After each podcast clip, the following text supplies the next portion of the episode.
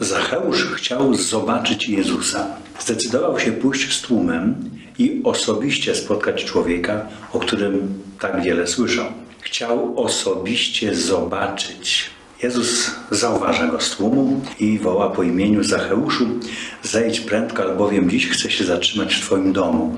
Jezus jest zawsze gotowy na spotkanie. Człowiek z czasem przekonuje się do tego, żeby postawić pierwszy krok ku spotkaniu z Jezusem. Tak naprawdę to Jezus stwarza w nas pragnienie poznania Go i czeka. Nad wszystkim masz litość, bo wszystko w Twej mocy i oczy zamykasz na grzechy ludzi, by się nawrócili. Miłujesz bowiem wszystkie stworzenia.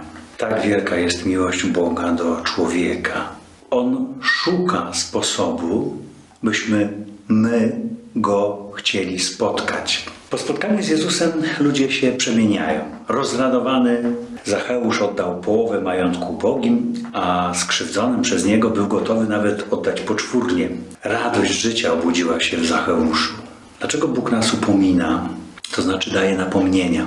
Księga Mądrości mówi, bo we wszystkim jest Twoje nieśmiertelne tchnienie, dlatego nieznacznie karzesz upadających i strofujesz, przypominając, w czym grzeszą, by wyzbywszy się złości, w Ciebie, Panie, uwierzyli.